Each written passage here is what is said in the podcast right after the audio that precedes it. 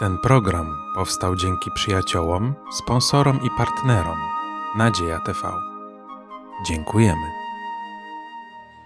Serdecznie witam wszystkich widzów telewizji Nadzieja TV na kolejnym rozważaniu Słowa Bożego w Kościele Adwentystów Dnia Siódmego w Podkowie Leśnej.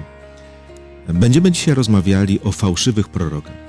Jakiegoś czasu obiektem naszych rozważań jest, e, czy są listy Piotra, teraz rozważamy drugi list Piotra i tak naprawdę poświęcimy dzisiejsze rozważanie całemu drugiemu rozdziałowi.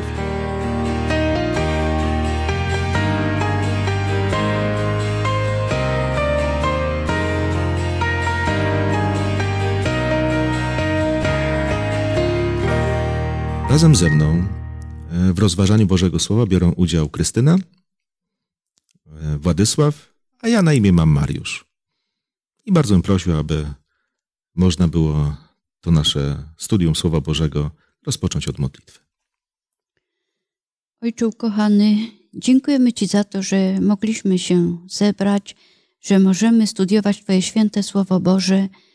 Prosimy Cię o mądrość, o przewodnictwo Twojego kochanego Ducha Świętego, gdyż otwieramy Twoje święte Słowo. Bardzo Cię o to wszystko prosimy. Dopomóż nam, abyśmy mogli ku Twej czci i chwale to wszystko, jak roz, to wszystko porozważać, tak i przeczytać, nauczyć się, jak ku przestrodze, tak i ku naszej pamięci. Tak bardzo Cię o to prosimy i dziękujemy w imieniu Pana naszego Jezusa Chrystusa. Amen. Amen. Moi drodzy, no chyba dosyć taki groźny temat. Mówimy o kościele chrześcijańskim i o fałszywych nauczycielach, ale apostoł Piotr o tym właśnie mówi. Ja może pozwolę sobie przytoczyć pewne słowa, które są takimi słowami przewodnimi w tym rozważaniu tego tygodnia.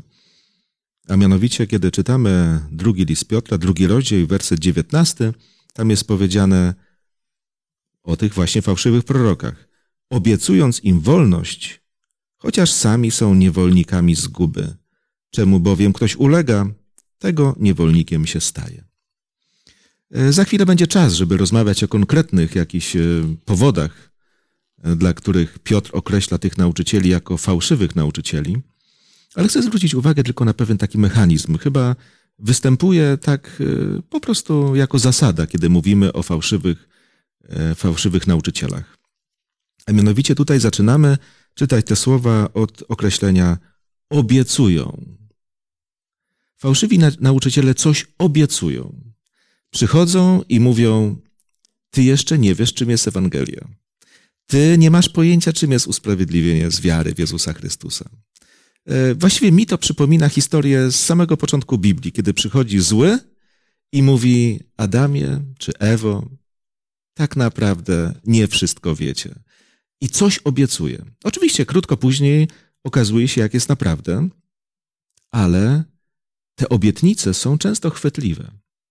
I gdyby tak nie było, to Piotr też nie pisałby tak mocno o tych zjawiskach, które tam są, i tak mocno by nie przestrzegał wierzących wtedy, a myślę, że i to przesłanie jest takie ponadczasowe.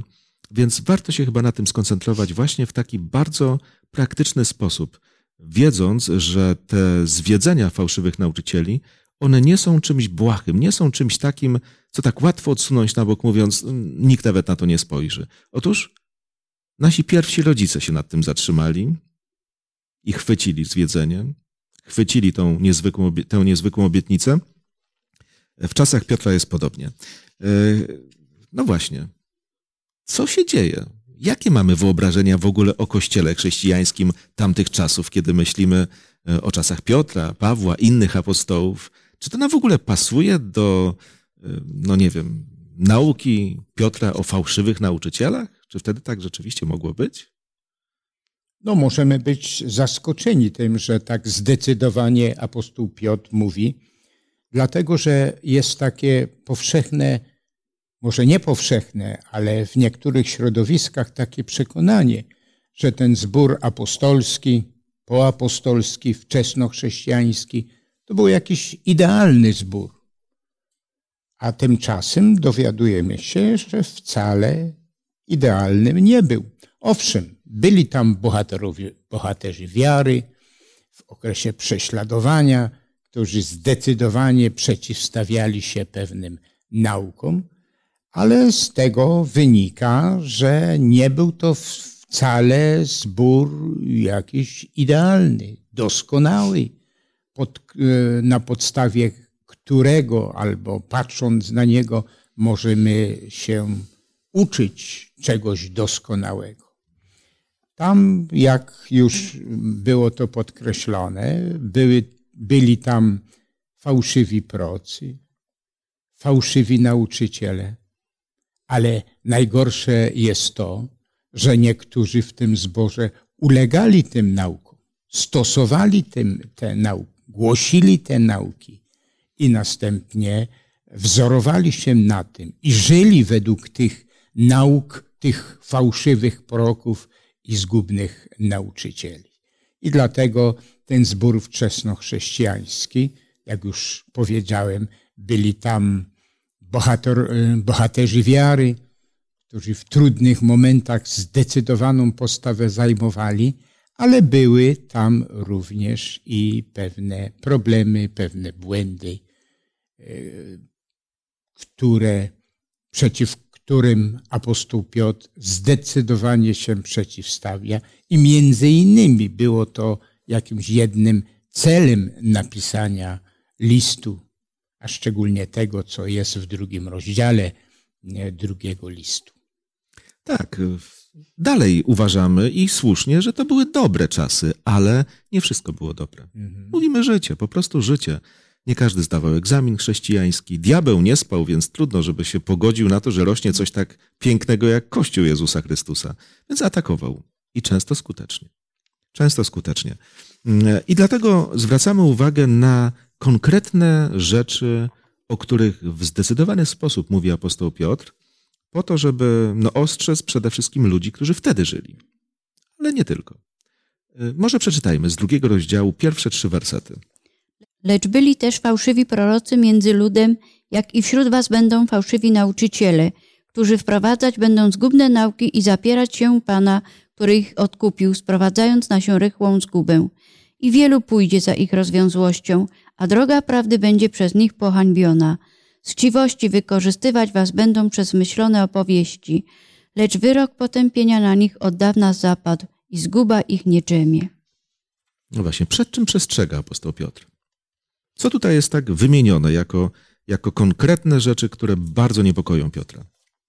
No właśnie przed fałszywymi nauczycielami, przed y, y, ich takim życiem, w którym właśnie żyli w grzechu, pobłażali swoim namiętnościom, pogardzali zwierzchnościami, bluźnili mocą niebieskim. Zobaczcie, kiedy mówimy o, o e, pewnych spostrzeżeniach Piotra, to Piotr tak naprawdę nie jest bardzo zaskoczony. Mówi, kiedyś byli fałszywi prorocy i tak. dzisiaj są. Chodzi o to, że świat się tak bardzo nie zmienia. Nie mówi wcale, że jest to obojętne mu. On z tego powodu na pewno bardzo jest smutny i jest mu przykro, ale, ale po prostu z pewnymi e, rzeczami trzeba się po prostu pogodzić. Z tym, że reaguje i wymienia właśnie to, o czym już mówiła Krystyna. Co jeszcze? Co jeszcze tutaj na przykład w tych trzech pierwszych wersetach Mm, albo od wersetów 10 e, do 18 apostoł Piotr wymienia jako konkretne rzeczy, które go tak bardzo niepokoją. Tu przede wszystkim też możemy podkreślić, co na pewno Piotra bardzo niepo, niepokoiło, że wielu pójdzie za tą rozwiązłością.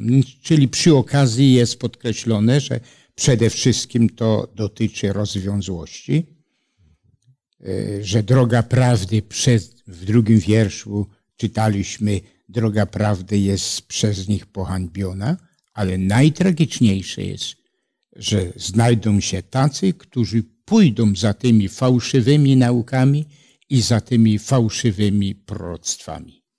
A więc ludzie dają upust swoim rządzom.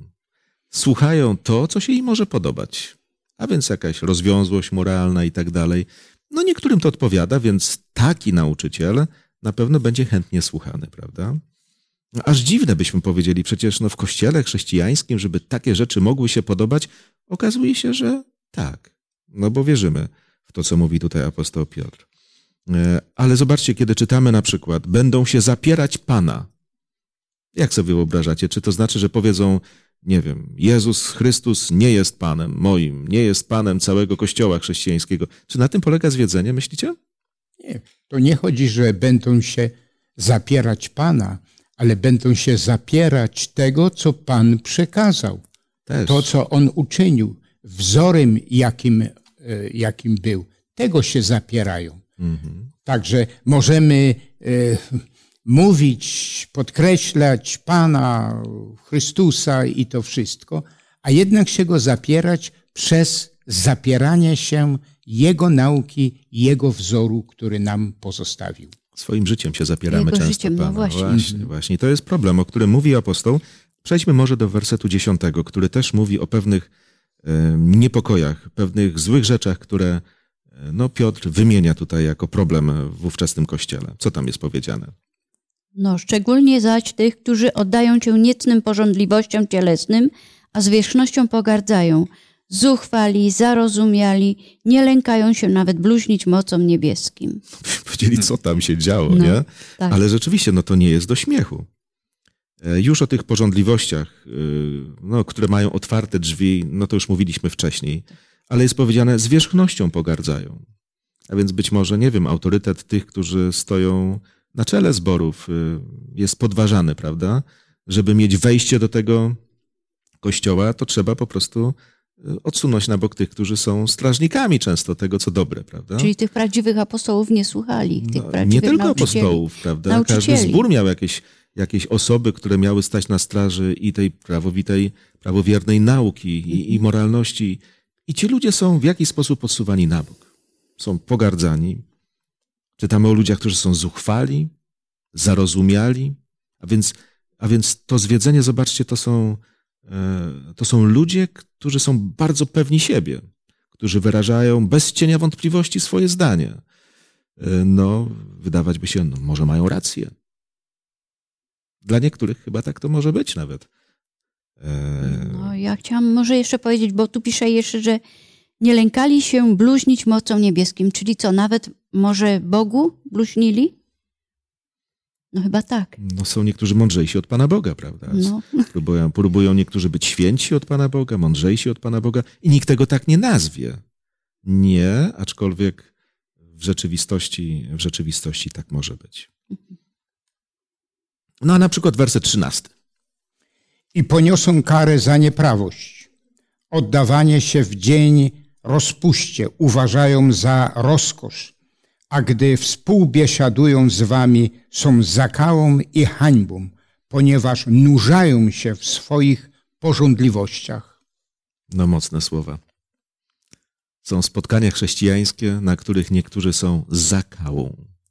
No wiecie, to już naprawdę musi, musi przekraczać wszelkie granice, żeby tak w ogóle się wypowiadać, nie? Ale Piotr to robi. Piotr to robi. Tutaj możemy wspomnieć, jaki był świat, ten, mm, ta cywilizacja, mm, kultura Imperium Rzymskiego, żeby ona była całkowicie zdeprawowana. To z historii wiemy, czy, czy e, z pewnych, e, z literatury wiemy, jaki był ten świat rzymski. Najlepszy dowód, nieraz podkreślamy, że około 154 dni w roku mieli wolne Rzymianie. Co tam robili? No można sobie tylko wyobrazić złe rzeczy, tragiczne rzeczy, rozwięzłość, o którym już wspominaliśmy, inne rzeczy. I teraz prawda o zbawieniu, prawda w Chrystusie ich z tego wyzwoliła, wyprowadziła. No a teraz znów przychodzą fałszywi nauczyciele. To nie tak, to nie trzeba aż, aż w taki sposób.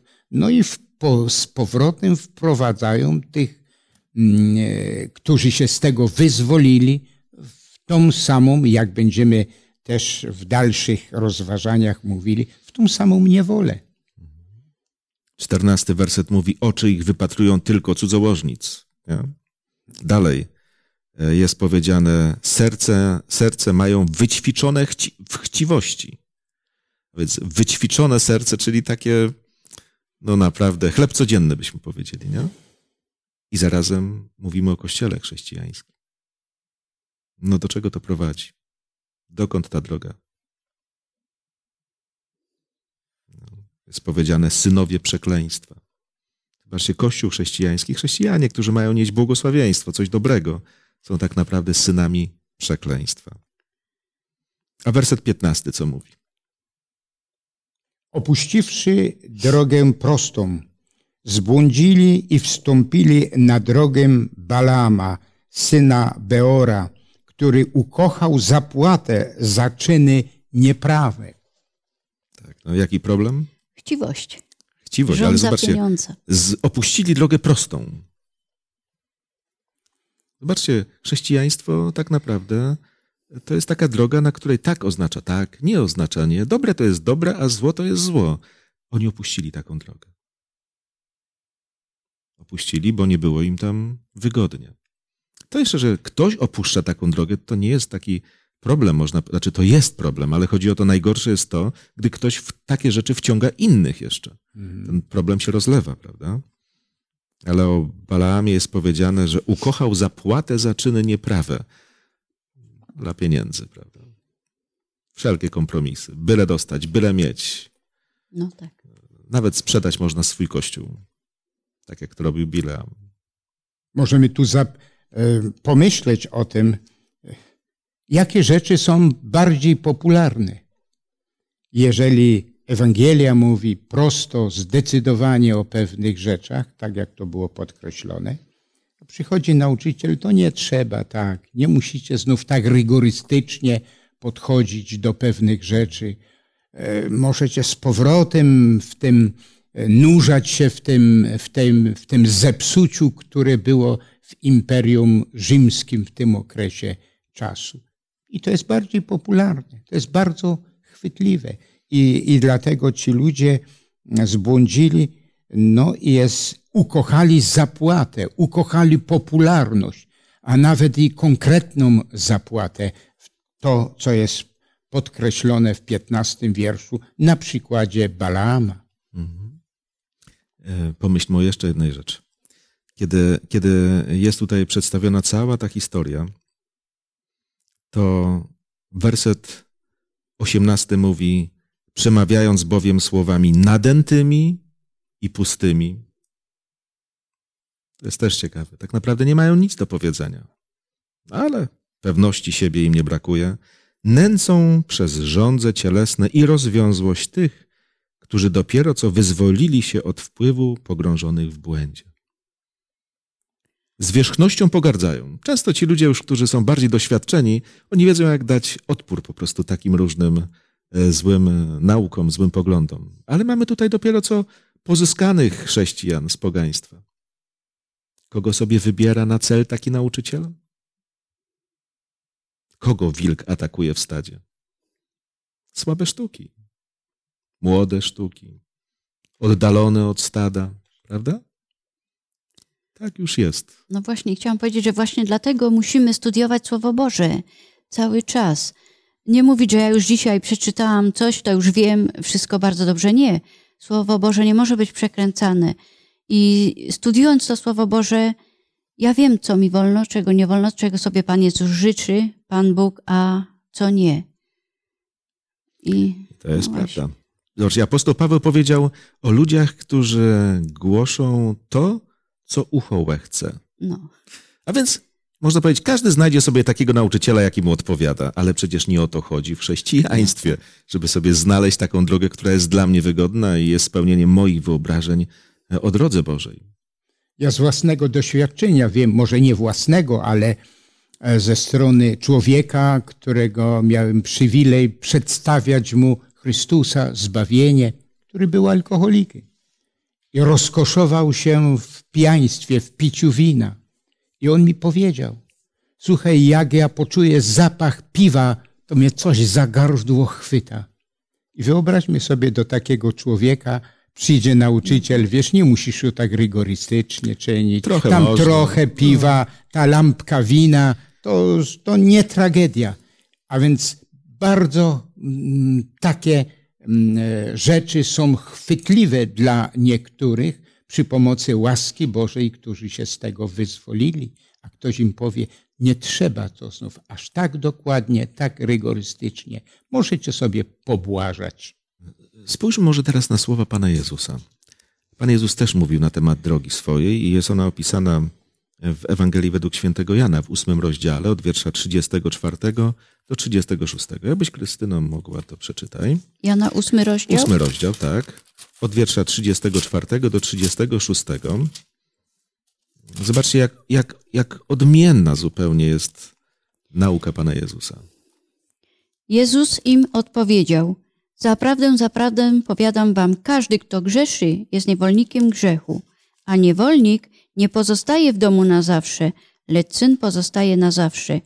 Jeśli więc syn was wyswobodzi, prawdziwie wolnymi będziecie. Jak rozumiemy wolność chrześcijańską? Czy wolność oznacza to, że robię co chcę? Nie, wolność od tego. Nie? Proszę? Nie jest to, to co powiedziałem, że robię to, co chcę? Na tym No polega nie. wolność? Nie powinno się.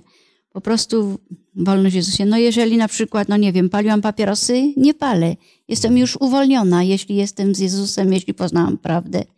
Ale nie palę papierosów, bo, No bo, bo chcę, Chcę, bo nie chcę. palić papierosów, Tak, prawda? Właśnie, właśnie na tym polega, że ja rzeczywiście robię to, co chcę, ale w tym samym czasie robię to, co się Panu Jezusowi podoba. I to jest No wolność, mówi Pan Jezus, nie? A więc e, wolność od czegoś, Tak? od złych może- rzeczy. Być może e, no, czułem się zniewolony pewnymi praktykami, alkoholizmem, papierosami i chciałem się od tego wyzwolić. Wiedziałem, że mnie to niszczy.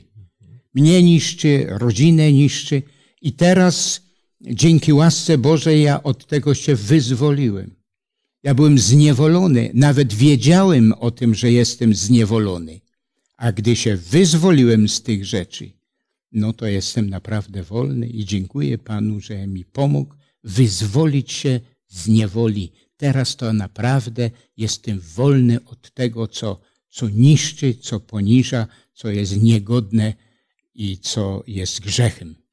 I tak każde pokolenie ludzi, mimo tego, że te słowa są w Biblii, każde pokolenie uczy, się dokładnie tego samego. Piotr musi napisać w wierszu 19, obiecując im wolność, chociaż sami są niewolnikami zguby. Więc to, co on nazywa wolnością, nie jest wolnością.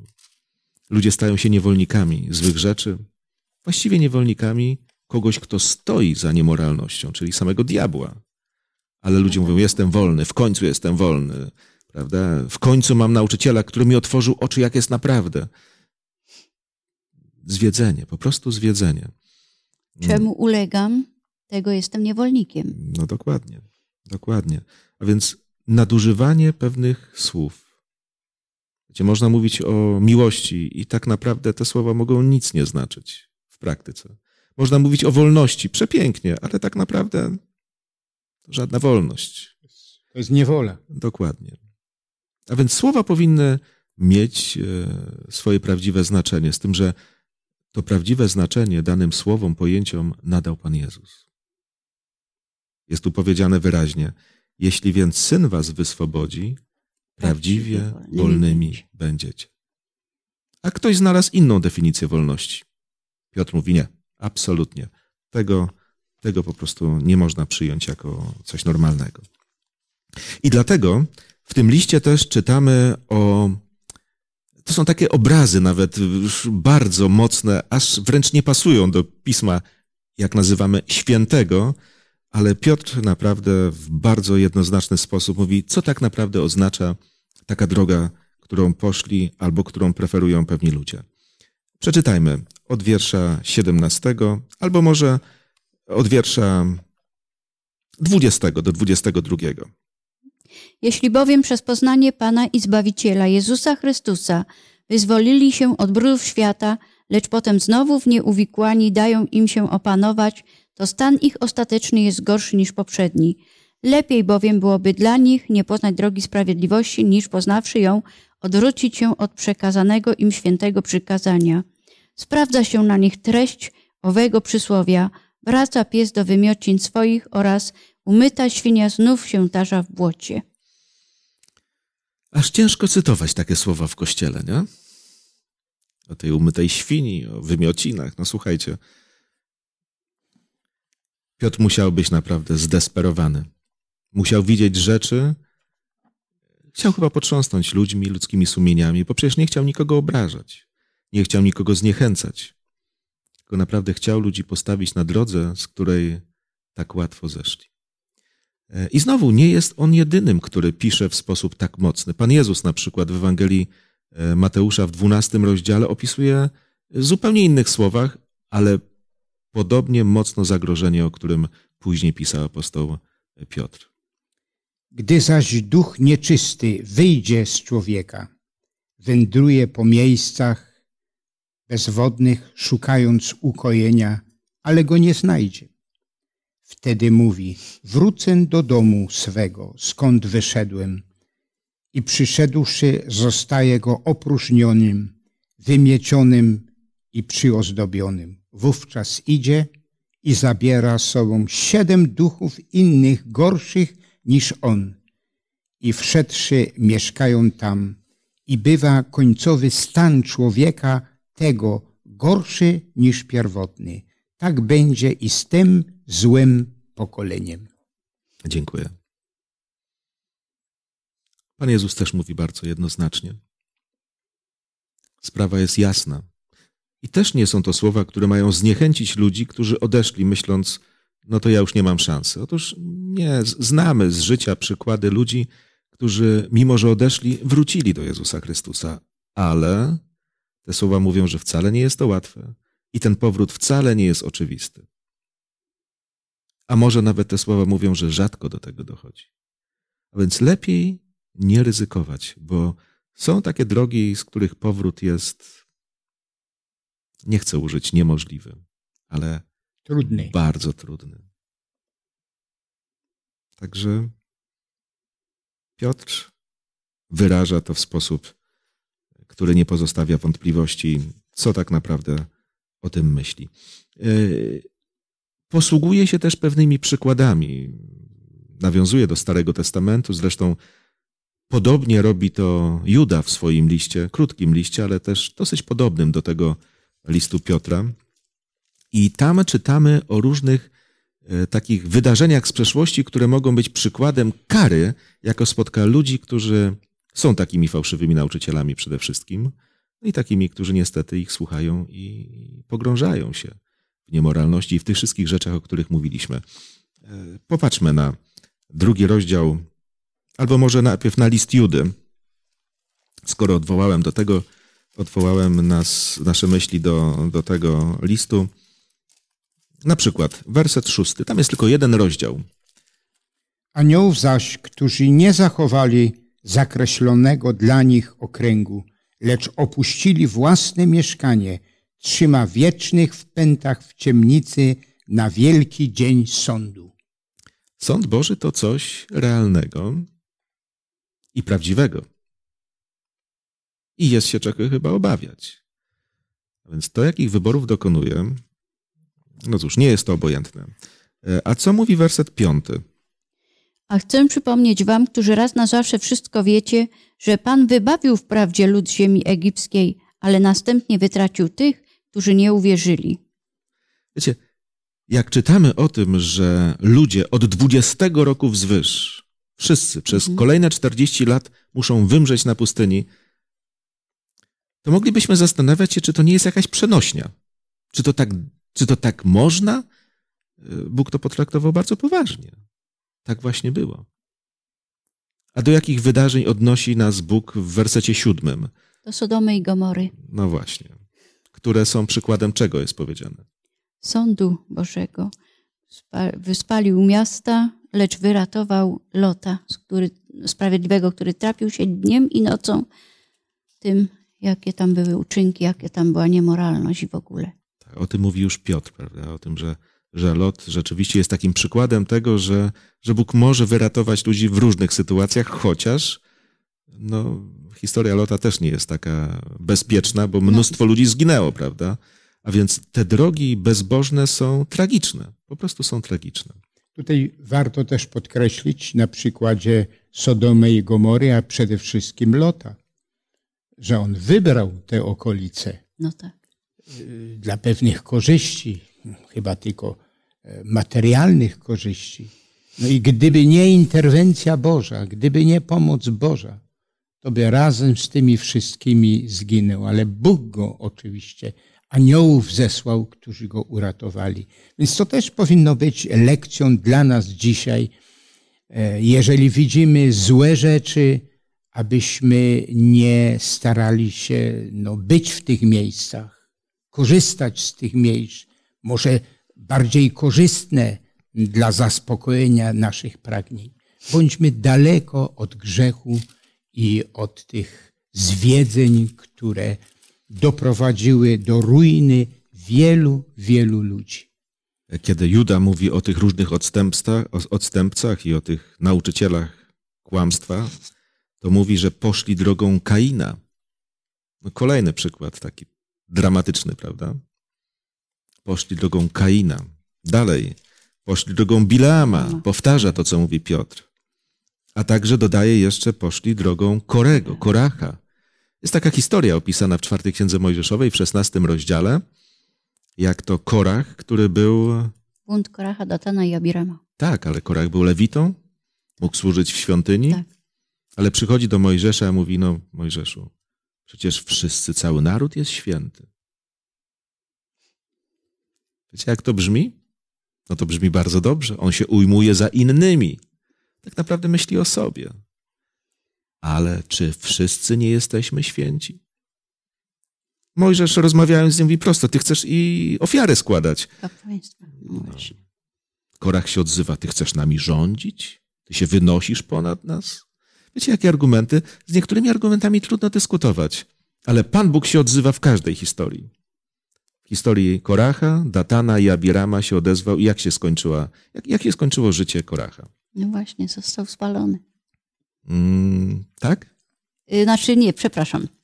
Y, Ziemia się rozwarła. No, byśmy powiedzieli, co za różnica, nie? I tak Tak, tragiczna. tak, się- tak, nie tak, umarł spokojnie, o to chodzi. Nie, nie, nie, ziemia otworzyła Nie się. umarł stare i syte dni, tylko po prostu ziemia go pochłonęła. tak. Innych buntowników pochłonął ogień z nieba.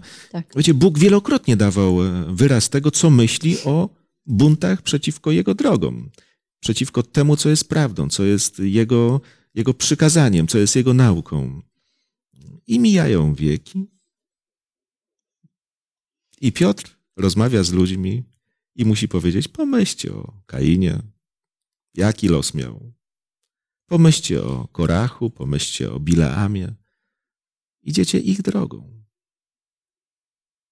No, czytamy, że Bileam też później zginął od miecza. Tak. Zginął, bo były ku temu, Powody. były ku temu powody. Wiecie, historia mm, właśnie tego lota, o której wspomnieliśmy, może być obiektem, nad którym się trochę zatrzymajmy, wiecie, bo, bo on nie skończył tak jak mieszkańcy Sodomy i Gomory. Nie skończył tak jak jego żona. Bóg go uratował. Czyli jest nadzieja? Oczywiście. Ale zobaczcie, jaki poobijany wyszedł z tej historii. Co tak naprawdę go spotkało, kiedy już został uratowany? No nie stracił życia, więc można powiedzieć, rzecz najcenniejszą Bóg mu zachował. Ale co tak naprawdę się stało Ale później? stracił żonę. Te jego córki były takie nie w porządku. No to znowu delikatnie wiemy, mówiąc. Co, no to tak delikatnie mówię, oczywiście. No. Wiemy wszyscy o co chodzi. Tu możemy podkreślić, że te córki tak postępowali, postępowali, ale one się gdzieś tego nauczyły. Nauczyły, no one gdzieś to obserwowały. No gdzie obserwowały? Tam, gdzie Lot wybrał to miejsce, Sodom. Sodomę i Gomorę. I dlatego, dlatego one nie wymyśliły dopiero tam w jaskini no, tych Tak. niecnych rzeczy, których tam się dopuściły. One to na porządku dziennym widziały właśnie w Sodomie i Gomorze. Tak jak my na porządku dziennym dzisiaj widzimy tragiczne rzeczy, które, Się które się dzieją. Kiedy czytamy drugi list Piotra, drugi rozdział, werset ósmy, te słowa już były czytane, ale tu jest powiedziane, gdyż sprawiedliwy ten, mowa jest o locie, mieszkając między nimi, widział bezbożne ich uczynki i słyszał o nich i trapił się z tym, trapił się tym dzień w dzień w prawej duszy swojej. No byśmy powiedzieli, no, dbał o swoją duszę. Nie godził się na to, co tam jest, a jednak w tym tkwił. Tak. Bardzo niebezpieczne jest to, gdy człowiek jakby tak na tej granicy próbuje gdzieś się zatrzymać, próbuje tak trochę Panu Bogu, trochę korzystać z dobrodziejstw grzechu, no bo przecież Sodoma i Gomora to było czyste zło. Tak. A jednak, a jednak to wszystko tak jakoś się... Tu możemy powiedzieć jedno, czy tak jak dbał o własną duszę w tym, w tym bagnie zła, który był, ale czy, czy dbał o również duszę swoich dzieci, swoich córek, które to oglądały? Możemy my uratować się, a jakoś zachować się, ale bardzo często tych, których prowadzimy, oni się nie uratują. Ja I myślę- dlatego no tak. z tych córek potem powstały najgorsze narody Amonitów, Amonitów i tak dalej, i tak Moabitów. dalej. Dlatego mm, bierzmy pod uwagę nie tylko siebie, ale bierzmy pod uwagę również i tych, którzy mogą nas naśladować. Ja bym chciała jeszcze powiedzieć, że na pewno on to bardzo przeżywał Lot, y, mieszkając w tej Sodomie, bo skoro Pan Bóg powiedział, że on był sprawiedliwy, to znaczy, że on musiał głosić tam jakieś to poselstwo, prawda? A mimo wszystko jednak oni nie przyjmowali, śmiali, drwili się, no i robili te różne rzeczy. Patrzcie, dzisiejsze rozważanie dużo mówi o takich jawnych grzechach, pochwalanych, akceptowanych przez tych fałszywych nauczycieli. Ale my, kiedy patrzymy na różnego rodzaju zwiedzenia, które w historii Kościoła się wy, e, objawiły, one nie zawsze tak wyglądały. E, Czasami na przykład wielkim zwiedzeniem były takie bardzo właśnie ascetyczne ruchy, kiedy ludzie dla Boga wyrzekali się wielu rzeczy, nawet dobrych, byle tylko, no właśnie, znowu postawić na swoim, nie na tym, co Bóg mówi. E, Chcę powiedzieć o tym, że zagrożenia mogą przyjść z różnej strony. E, Nawet ze strony tych, którzy tak bardzo chcą Bogu służyć i chcą coraz więcej dla Pana Boga robić, też mogą po prostu schodzić na pewne skrajności i też może to nie być droga, która przyniesie błogosławieństwo. Drogi Pana są proste, one są opisane w Ewangelii. Jest to droga na pewno e, sprawiedliwego życia, ale na pewno jest to droga łaski Bożej, Bożego przebaczenia. E, I warto o tym wiedzieć, wiecie, bo mówimy o czymś, co wiąże się z codziennym życiem. To nie jest tak, że mamy do czynienia z idealnym kościołem tam i z ideałem e, życia chrześcijańskiego za, za każdym razem, kiedy patrzę na chrześcijan dzisiaj. Nie. Ale pytanie, na jaką drogę się otwieram, prawda? Tak? Tu jest bardzo ważne, żebyśmy no, kierowali się Słowem Bożym. Nie odstępowali od Słowa Bożego. Tak jak słusznie było podkreślone. Ani na lewo, tak jak to w tych przykładach, które tutaj były e, podkreślane, ani na prawo nie schodzili. Nie chodzili rowami, ty chodzili prostą drogą, którą nakreśla Słowo Boże. To jest to. Y, Nie tak dawno czytałem w księgach mojżeszowych takie słowa, które bardzo mi na wyobraźnię zadziałały, kiedy Bóg mówi: Tylko lgnijcie do swojego Pana. A więc nie tylko spisane rady, to rób, tego nie rób, ale lgnij do tego, który te prawa dał. Y, I wtedy człowiek jest bezpieczny. I wtedy człowiek jest bezpieczny. Moi drodzy, bardzo dziękuję za wspólnie spędzony czas, za to, że rozważaliśmy Boże Słowo. E, Niełatwe urywki. E, Ja wiem, że można znaleźć takie miejsca w Piśmie Świętym, które są bardziej optymistyczne, ale są też słowa przestrogi. Są słowa, które mogą nas też ochronić przed ewentualnymi zwiedzeniami, które dopóki świat będzie istniał, e, po prostu się nie skończą. Natomiast Bóg swój Kościół ratuje między innymi przez słowa Piotra. Ratował tamtych ludzi i sądzę, że wiele pokoleń, które sięgały do tych słów Piotra, e, korzystały i wychodziły na prostą, na prostą drogę, o której Piotr mówi, że jest jedyną bezpieczną. Chciałbym, żebyśmy pomodlili się na zakończenie i e, podziękujmy Panu Bogu za to, co dał nam teraz rozważać. Wielki, dobry Boże, Dziękujemy Ci za to, że jesteś i że jesteś Bogiem, który ratuje, który wyzwala z niewoli grzechów i jego skutków. Dziękujemy Ci za to. To pomóż, abyśmy tą drogą chcieli kroczyć, abyśmy wiele nauczyli się z tego, co napisał apostoł Piotr do wierzących, którzy ulegali pewnym rzeczom też, a wierzę, że na, jest to napisane, zawarte w Piśmie Świętym jako poselstwo do nas, abyśmy chronili się tych rzeczy, uciekali od nich, przyjmowali tą prostą drogę Pana, Ewangelię Jezusa Chrystusa. Jak również, jeżeli widzimy złe rzeczy, grzech, abyśmy może też w sposób wyraźny, zdecydowany wypowiadali się o prawdzie, która zawarta jest w Piśmie Świętym.